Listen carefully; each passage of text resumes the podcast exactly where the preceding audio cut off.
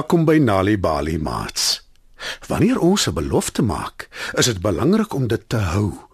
As beloftes verbreek word, is daar ernstige gevolge. Dis waaroor vanaand se storie Die man met die blikvletjie gaan. Dit is geskryf deur Patricia de Villiers. Skuif dit nader en spits julle oortjies.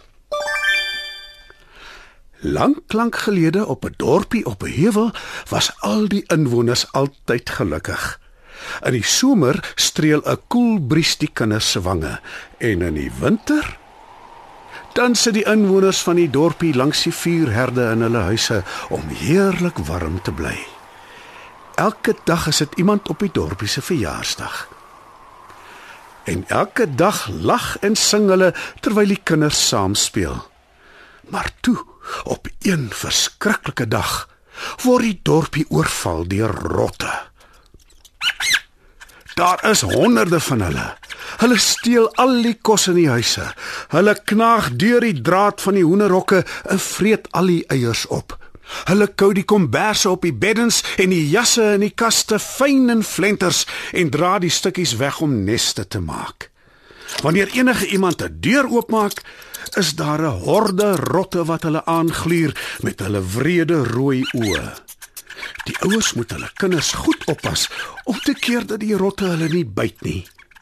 Daar is geen musiek meer in die dorpie nie. Niemand lag meer nie. En die mense ly honger want daar is ook nie kos nie. Die dorpsraad weet nie watter kant toe nie. Hoe gaan hulle van die rotte ontslaa raak? Hulle besluit om al die inwoners van die dorpie bymekaar te kry by die hoofman se huis en hulle raad te vra oor hoe om van die rotte ontslaa te raak. Een inwoner stel voor: "Kom ons verbrand die kos." Maar hulle besef gou, daar is amper niks kos oor nie. En as hulle die bietjie wat hulle wel het verbrand, het hulle niks om te eet nie. 'n Ander een stel voor: "Nou kom ons verbrand die huise, dan sal die rotte vlug." Maar hulle besef dan het hulle nêrens om te bly nie. Hulle dink en hulle dink, maar niemand het 'n oplossing nie. En toe skielik is daar 'n klop aan die deur. En daar staan 'n vreemde man met vertoeiende klere in alle kleure van die reënboog. Hy het groot rooi skoene aan en om sy nek hang daar 'n blikvletjie.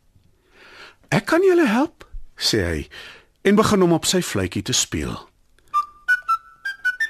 Nie een van die inwoners het nog ooit so iets gehoor nie. Dit vertroos hulle en sommige van hulle raak selfs aan die slaap maar die dorpie se bakker vererg hom en wil die man se muur wegjaag. Die vreemde man paai hom en verseker die inwoners hy is daar om van die rotte ontslae te raak. Die dorpsraad wil weet wat hy in ruil daarvoor wil hê. As ek van die rotte ontslae raak, moet julle beloof om vir my 'n huis te bou, om julle kos met my te deel en my toe te laat om die res van my lewe hier te bly. Al die inwoners is dit eens dat dit 'n blink plan is. Hulle is desperaat om van die rotte ontslae te raak. Hulle stem dus in en die vreemde man begin tussen die huise te loop terwyl hy sy fluitjie blaas. Stadig maar seker kom die rotte uit hulle wegkruipplekke en hulle volg die man met die blikfluitjie. Hulle loop al agter hom aan en hulle oë gloei. Die man lei hulle uit die dorpie en vat hulle ver, ver weg. Die inwoners hoor die geluid van sy fluitjie al verder weg beweeg totdat dit heeltemal verdwyn. Hulle juig van vreugde. Alles kan nou weer terugkeer na normaal. Hulle maak hulle huise skoon, hulle maak hulle hoenderhokke skoon, hulle plant weer gesaaides en die kinders lag en speel weer in die strate. Almal vergeet van die vreemde man met sy blikfluitjie.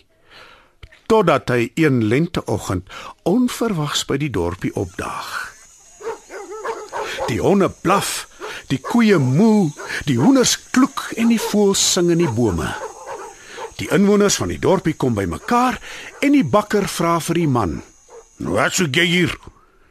Nog 'n inwoner beamoen sy woorde en voeg by: Ja, dankie dat jy die rotte weggejaag het, maar ons het jou nie meer nodig nie. Het julle dan julle belofte vergeet? vra die man. "Waar is die huis wat julle my beloof het?" Die inwoners vererg hulle.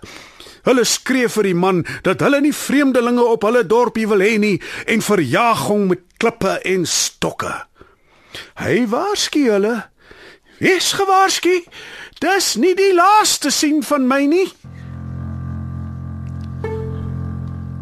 Die aand hoor hulle die geluid van 'n fluitjie oor die boomtoppe aangedryf kom na die dorpie toe.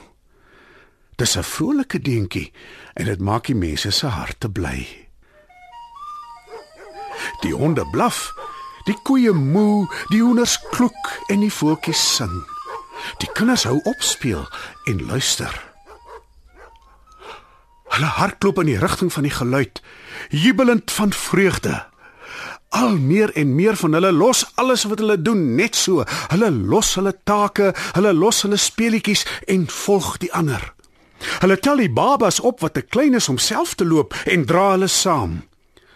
Binnekort is daar nie 'n kind te sien of te hoor in die dorpie nie.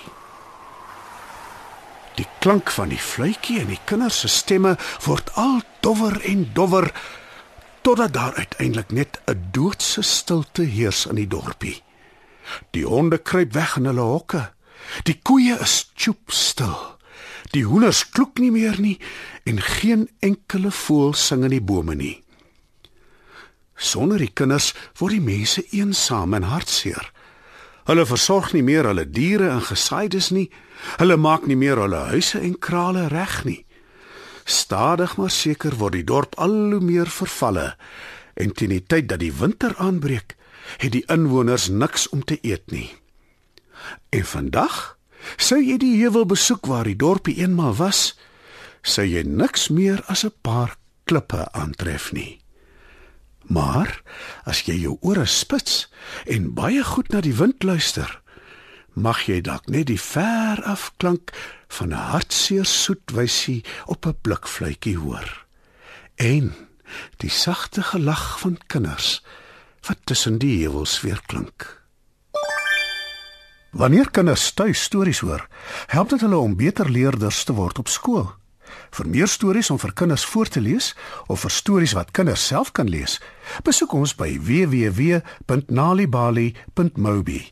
Daar is heelwat stories in verskeie tale absoluut gratis beskikbaar. Daar is ook wenke oor hoe om stories vir kinders te lees en met hulle te deel sodat hulle hulle volle potensiaal kan ontwikkel.